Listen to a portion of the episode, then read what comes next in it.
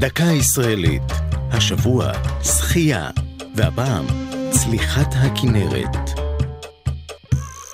חוף צמח של אגדות הכנרת ידע במרוצת השנים אין ספור רגעי התרגשות ותהפוכות, כשמדי סתיו הגיחו אליו המוני שחיינים ושחייניות מכל הגילים, שזה עתה חצו את הימה. את צליחת הכנרת העממית יזמו יעקב חסיד מקבוצת כנרת ושמריהו נבל מקיבוץ אפיקים בשנת 1954. רעיון הצליחה לא היה חדש, שכן כבר בשנות ה-30 וה-40 הכנרת משכה שחיינים מקצועיים.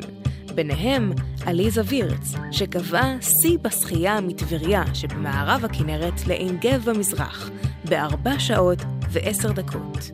מאז נרשמו שיאים נוספים, למשל בצליחת הכנרת לאורך, מרחק של 22 קילומטר, וגם בהקפתה. הצליחה העממית הפכה לאירוע מרכזי.